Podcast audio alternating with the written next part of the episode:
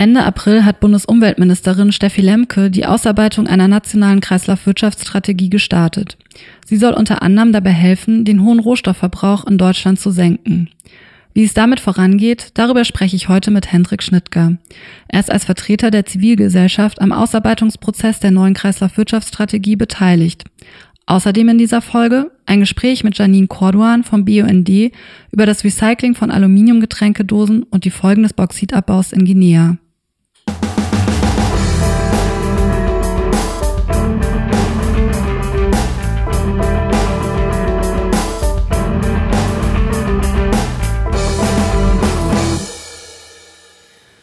Hallo und herzlich willkommen bei Kompass Weltwirtschaft, dem Podcast von PowerShift. Mein Name ist Vanessa Fischer, ich bin hier Pressereferentin und ich begrüße euch ganz herzlich zu dieser Folge. Mit mir heute im Studio sitzt Hendrik Schnittger. Er ist Referent für Kreislaufwirtschaft hier im Rohstoffteam von PowerShift. Hallo Hendrik. Hallo Vanessa. Hendrik, du bist ja nicht das erste Mal Gast hier im Podcast und als du das letzte Mal hier warst, haben wir über Kreislaufwirtschaft gesprochen. Kurzer Recap aus Folge 37. Der Begriff Kreislaufwirtschaft ist ja relativ geläufig und tatsächlich gibt es in Deutschland schon seit 2012 ein Kreislaufwirtschaftsgesetz. Das Ganze basierte bisher aber eher auf einfachem Recycling. Mittlerweile tut sich aber etwas. Die EU-Kommission sagt inzwischen zum Beispiel, das Ziel von Kreislaufwirtschaft muss es sein, Produkte, Materialien und Ressourcen so lange wie möglich zu erhalten und zwar in gleicher Qualität. Und damit das funktioniert, muss eben schon beim Design der Produkte begonnen werden. Ende April hat Bundesumweltministerin Steffi Lemke die Ausarbeitung einer nationalen Kreislaufwirtschaftsstrategie gestartet und darüber wollen wir heute sprechen. Denn du, Hendrik, bist ja als Akteur aus der Zivilgesellschaft auch an diesem Ausarbeitungsprozess beteiligt. Fangen wir aber mal von vorne an. Was ist denn ganz grob das Ziel dieser neuen Kreislaufwirtschaftsstrategie? Worum geht es dabei? Also Steffi Lemke hat die Ausarbeitung dieser Strategie unter anderem damit begründet, dass der hohe Rohstoffbedarf von einer bisher weitgehend linear organisierten Wirtschaft eine der Hauptursachen für die Klimakrise und die Bedrohung der biologischen Vielfalt sei. Deshalb müsse der Rohstoffverbrauch, so steht es auch im Koalitionsvertrag, gesenkt werden. Und das soll jetzt eben unter anderem durch diese Kreislaufwirtschaftsstrategie passieren. Mhm.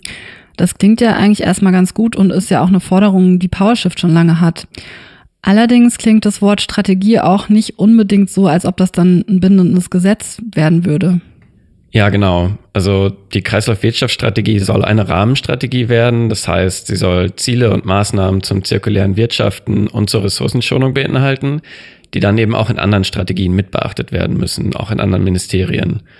Damit wird also sozusagen ein Rahmen geschaffen, um das Ziel des Koalitionsvertrages, den primären Rohstoffbedarf absolut zu senken, zu erreichen. Aber du hast schon recht, also ein konkretes Gesetz wird das nicht, aber trotzdem können dort natürlich Weichen gestellt werden für zukünftige Gesetzesvorhaben. Okay, aber das heißt trotzdem, es drohen keine direkten Strafen oder ähnliches aus dieser Kreislaufwirtschaftsstrategie, wenn Unternehmen beispielsweise in Zukunft nicht zirkulär wirtschaften. Ja, genau. Deshalb ist es auch unser Ziel als Zivilgesellschaft, jetzt in dem Dialogprozess möglichst konkrete Maßnahmen zum Umbau hin zu einer Kreislaufwirtschaft in Deutschland zu verankern. Hm. Welche Maßnahmen das sein können, darüber will ich gleich nochmal mehr von dir hören. Jetzt würde mich aber erst nochmal interessieren, was es eigentlich mit diesem Dialogprozess auf sich hat. Du sitzt dort am runden Tisch als Vertreter der Zivilgesellschaft. Wer ist denn sonst noch daran beteiligt? Also erstmal ist, glaube ich, wichtig zu wissen, dass der Dialogprozess vom BMUV, also vom Bundesministerium für Umwelt und Verbraucherschutz, ins Leben gerufen wurde und dann verschiedene Branchenverbände, zum Beispiel der Stahl- und Metallverarbeitenden Industrie eingeladen wurden, Leute aus der Recycling- und Abfallwirtschaft, aber auch kommunale Vertreterinnen und vor allem auch Wissenschaft, also zwei ähm, Institutionen, die das Projekt forschend begleiten. Dann ist das UBA dabei, das Umweltbundesamt. Wir werfen mal so ein bisschen mit Abkürzungen bei uns rum. Ähm, und eben wir aus der Zivilgesellschaft. Aha, und die sitzen dann alle an einem Tisch und diskutieren und setzen sich für ihre jeweiligen Belange und Forderungen ein? Oder wie kann ich mir das konkret vorstellen? Also als erstes Mal gibt es drei Veranstaltungen in diesem Jahr, an dem alle teilnehmen. Ähm, das ist ein ganz breites Spektrum an ähm, Organisationen und ähm, Akteuren, die da teilnehmen. Und dann gibt es nochmal etwas spezifischer Fachtische. Und da gibt es einmal die Themen Metalle, an dem Tisch sitze ich auch mit dran. Dann gibt es einen Tisch zu Fahrzeugen und Batterien, einen zum Gebäuden und dem Bausektor, eins zu Informations- und Kommunikationstechnik und Elektrogeräten, einen Tisch zu Kunststoffen, einen zu Bekleidung und Textilien und zwei ein bisschen übergeordnetere Tische zur öffentlichen Beschaffung und zu zirkulären Produktionsprozessen. Okay, und an deinem Tisch zu Metallen, wer sitzt da und wie viele Leute sind da so beteiligt?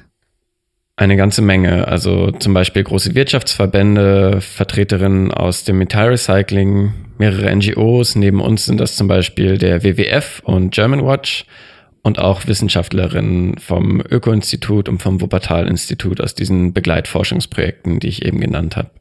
Hm, und worüber sprecht ihr dann genau?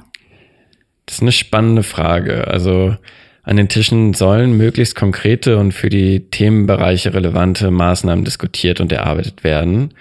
Und für uns als Zivilgesellschaft bedeutet das natürlich vor allem eine ganzheitliche Betrachtung von Kreislaufwirtschaft. Es gibt ja auf Englisch diese zehn Rs, die in der Diskussion immer wieder auftauchen. Das heißt, dass wir neben Recycling, das in der öffentlichen Debatte immer sehr, sehr viel Raum einnimmt und im deutschen Raum auch teilweise irgendwie synonym mit Kreislaufwirtschaft verwendet wird, ähm, dass wir daneben vor allem auch über Maßnahmen rund um Reduce, Reuse, Repair und so weiter entwickeln wollen, um den Gesamtrohstoffverbrauch zu reduzieren, so wie es eben auch im Koalitionsvertrag steht. Und was bedeutet das dann konkret? Also diese zehn Rs, wie genau werden die umgesetzt? Ich habe jetzt eben nur ein paar von denen genannt, aber übergeordnet bedeutet das, dass eben Produkte und deren Gebrauch auch umgedacht werden muss. Also das meine ich jetzt nicht nur im Sinne von, wenn wir alle bewusster einkaufen, dann wird es schon, sondern es ist der größte Hebel, der eben bei den Produzenten liegt. Also wie werden Produkte designt, wie lange halten die, wie kann man Dinge möglichst reparierbar gestalten und was lässt sich wiederverwenden, statt es wegzuwerfen. Zum Beispiel auch bei großen Bauteilen von Autos oder Elektronik. Da spielt sowas wie Modularisierung auch eine Riesenrolle, also Produkte und Maschinen so zu bauen, dass man jedes Einzelteil eigentlich einfach herausnehmen und ersetzen kann. Dabei ist Recycling natürlich auch wichtig und sollte unserer Meinung nach auch ausgebaut werden. Aber wenn wir nur darauf schauen, dann stoßen wir sehr schnell an Grenzen. Welche Grenzen das sind, das haben wir Janine Cordoan vom BUND gefragt. Sie hat sich Recycling am Beispiel von Aluminium in Deutschland genauer angeschaut und dabei Folgendes festgestellt. In Deutschland äh, verbrauchen wir fast die Hälfte des Aluminiums für den Verkehrsbereich. Andere Absatzmärkte für Aluminiumprodukte sind die Bauindustrie, der Maschinenbau, Haushaltswaren und der Verpackungssektor. Der Verbrauch von Aluminiumverpackungen steigt jedes Jahr kontinuierlich. Zwischen 2005 und 2020 hat er um 68 Prozent zugenommen. Dieser starke Anstieg ist fast ausschließlich ähm, auf die Rückkehr der Aluminiumgetränkedose zurückzuführen. Die finden wir einfach vermehrt in allen möglichen Supermärkten und im Einzelhandel. Die Aluminiumverpackungsindustrie begründet die hohen Verkaufszahlen unter anderem mit dem schlechten Image von Plastikflaschen. Aber auch der vermeintlich hohe Anteil an Recyclingmaterial scheint dazu zu führen, dass Verbraucherinnen sich für Dosen entscheiden. Wir wissen jedoch, dass jede Dose zu mehr als der Hälfte aus neuem Material, also frischem neu produziertem Aluminium besteht und nicht aus Recyclingmaterial. Auch wenn uns die Recyclingzeichen mit Kreisen und Pfeilen etwas anderes glauben lassen. Es ist tatsächlich so, dass es gar keine wirklich geschlossenen Kreisläufe gibt. Bei jedem Recyclingvorgang geht Material unvermeidbar verloren. Einerseits durch Wärme, das heißt dann Dissipation im Fachjargon, und andererseits durch Verschleiß, Vermischung oder Rostbildung. Verteilt sich Aluminium in kleinsten Mengen in der Umwelt. Diese können wir eigentlich gar nicht oder nur mit riesigem Aufwand zurückgewinnen. Und der Materialverlust durch die Wärme ist einfach nicht rückholbar. Das ist einfach Physik. Selbst eine von der Aluminiumgetränkeindustrie in Auftrag gegebene Studie kommt zu dem Ergebnis, dass in Europa in Ländern mit Rücknahmesystemen Verluste beim Dosenrecycling von insgesamt sieben Prozent zu verzeichnen sind. Das bedeutet eben, dass äh, bei jedem Recyclingvorgang äh, Material verloren geht. Große Mengen an Material. Diese entstehen zum Beispiel beim Sortieren und beim Wiedereinschmelzen. Aber auch die verschiedenen Legierungen lassen Werkstoffe generell schwieriger voneinander trennen und führen im schlimmsten Fall dazu, dass Aluminium nicht mehr recycelt oder einfach downgecycelt wird. Laut Quarks gehen bei empfindlichen Legierungen sogar bis zu 25 Prozent verloren. Wir können uns also aus der Krise nicht rausrecyceln. Wir können also feststellen, es wird niemals einen geschlossenen Kreislauf geben, da relevante Material- und Energieverluste unvermeidlich sind. Warum Bauxitabbau, der Grundstoff für Aluminium, so problematisch ist, wird am Beispiel Guineas deutlich.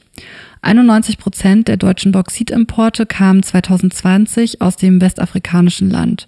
Von den 40 Milliarden Tonnen Bauxit, die in Guinea vorkommen, befinden sich etwa 23 Milliarden Tonnen in der Region Bouquet. Zu dieser Region hat Janine Corduan zusammen mit einem Kollegen gearbeitet und sich angeschaut, wie die Situation dort vor Ort genau ist. Mein Kollege Mamadou Sarafo Diallo hat mir Folgendes über Bouquet berichtet. Bouquet verfügt über Dutzende von offenen Bauxitgruben. Die rote Erde hebt sich von den grünen Landschaften äh, rundherum ganz eindeutig sichtbar ab. Guinea war bis in das Jahr 1958 unter französischer Kolonialherrschaft und ist nun etwas mehr als 64 Jahre offiziell unabhängig. Ausländische multinationale Bergbauunternehmen enteignen jedoch das Land der Bevölkerung vor Ort, um dort Bergbau zu betreiben. Und das ohne eine angemessene Entschädigung. Die guineische Regierung sieht dabei tatenlos zu, wie das Land enteignet wird, die Rohstoffe entnommen und exportiert werden, ohne dass die lokale Bevölkerung tatsächlich profitiert. Der rote Staub aus dem Tagebau bedeckt ganze Dörfer, die Ernte, das Wasser. Er dringt in die Häuser ein und befindet sich sogar am Essen.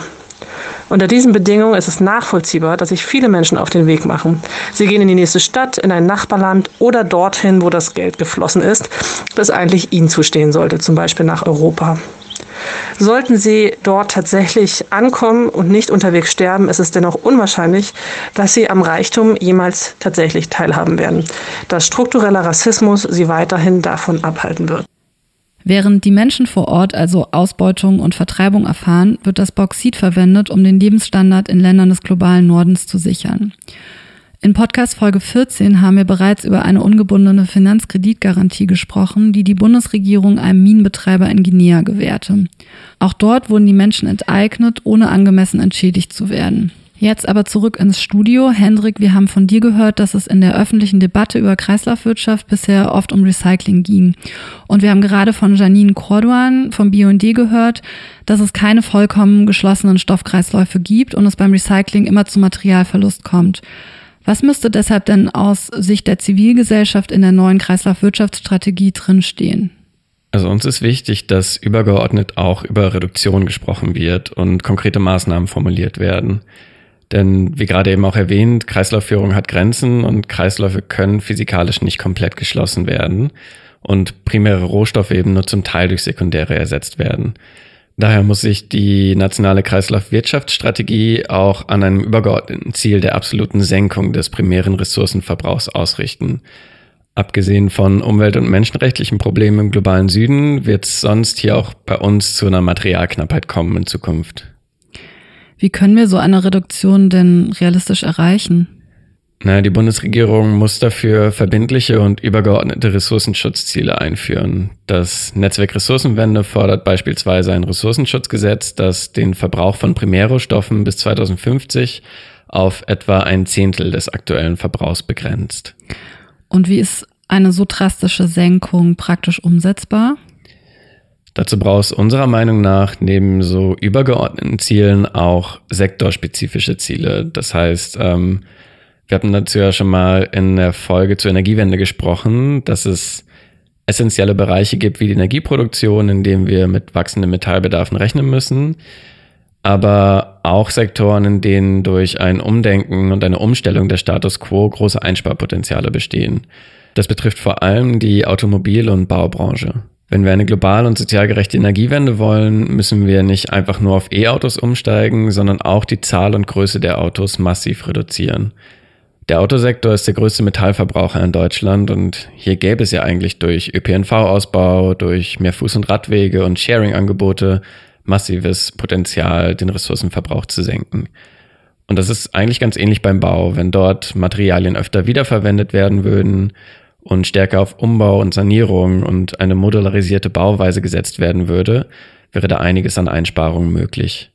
Die Ziele, die dann da gesetzt werden, sollten natürlich auch messbar und überprüfbar sein, um die Einhaltung zu kontrollieren. Also damit beispielsweise bei einer Nichteinhaltung ein Gegensteuern eingeleitet werden kann, wie das zum Beispiel beim Klimagesetz der Fall ist. Wie kritisch die Versorgung mit Metallen ist, sieht man ja gerade auch daran, mit welchem Tempo der Critical Raw Materials Act auf EU-Ebene durchgeboxt wird.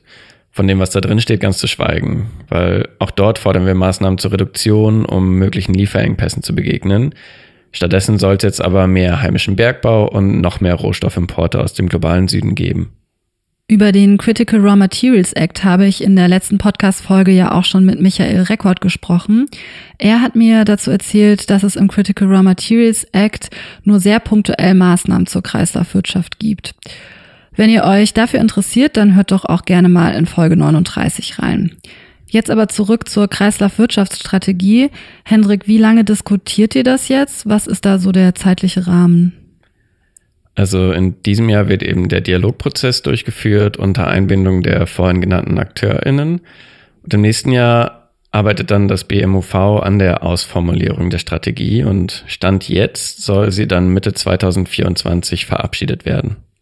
Es gibt also noch etwas Zeit, in der du, in der sich PowerShift als zivilgesellschaftlicher Akteur an diesem Dialogformat beteiligen wird. Damit wir auch weiterhin eine ökologisch solidarische Stimme in diese politischen Prozesse einbringen können, brauchen wir natürlich Geld. Wenn ihr uns dabei unterstützen wollt, dann freuen wir uns natürlich wie immer über eine Spende. Alle Informationen dazu findet ihr in den Show Notes. Hendrik, wir kommen jetzt zum Ende der heutigen Folge. Ich danke dir, dass du heute hier warst und uns so einen spannenden Einblick hinter die Kulissen gegeben hast. Und natürlich bedanke ich mich auch bei allen ZuhörerInnen. Teilt, liked und abonniert unseren Podcast und hoffentlich bis zum nächsten Mal. Tschüss. Danke auch. Ciao.